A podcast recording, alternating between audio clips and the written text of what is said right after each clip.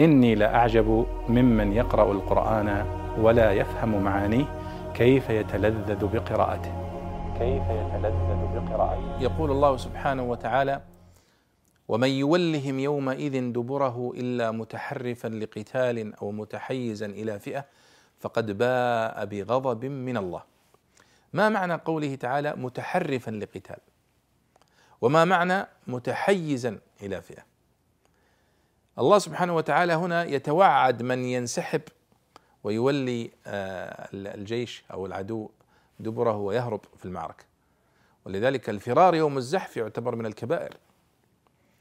هنا يقول الله ومن يولهم يومئذ دبره يعني من يفر في القتال مع المشركين إلا متحرفا لقتال أو متحيزا إلى فئة. يستثنى هذين هذين الصنفين. فمتحرفا لقتال معناها أنه مناورة يعني انسحاب تكتيكي الذي يولي يعني يهرب في المعركة هروبا تكتيكيا ينسحب ثم يهجم مرة أخرى ينسحب ويأتي من مكان آخر فهذا ليس يعني مؤاخذا وليس عليه آه، حرج.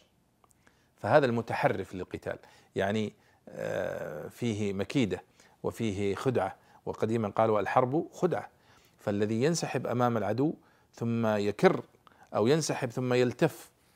فهذا لا ليس مؤاخذا. هذا ليس ليس هروبا وإنما هو آه، يعني تخطيط وكر وفر. وهذه هي المعارك.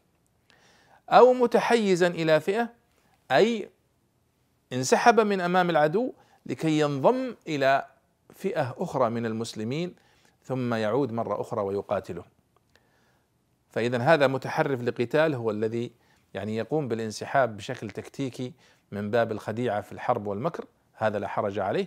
أو الذي يتحيز إلى فئة من المؤمنين المقاتلين فيتقوى بهم ثم يعود فيقاتل هذا لا حرج عليه. وأما الذي يفر خوفا وجبنا فهذا هو الذي يعني سوف يؤاخذ وسوف يناله الإثم ويناله الوعيد والله أعلم. وصلى الله وسلم على نبينا محمد.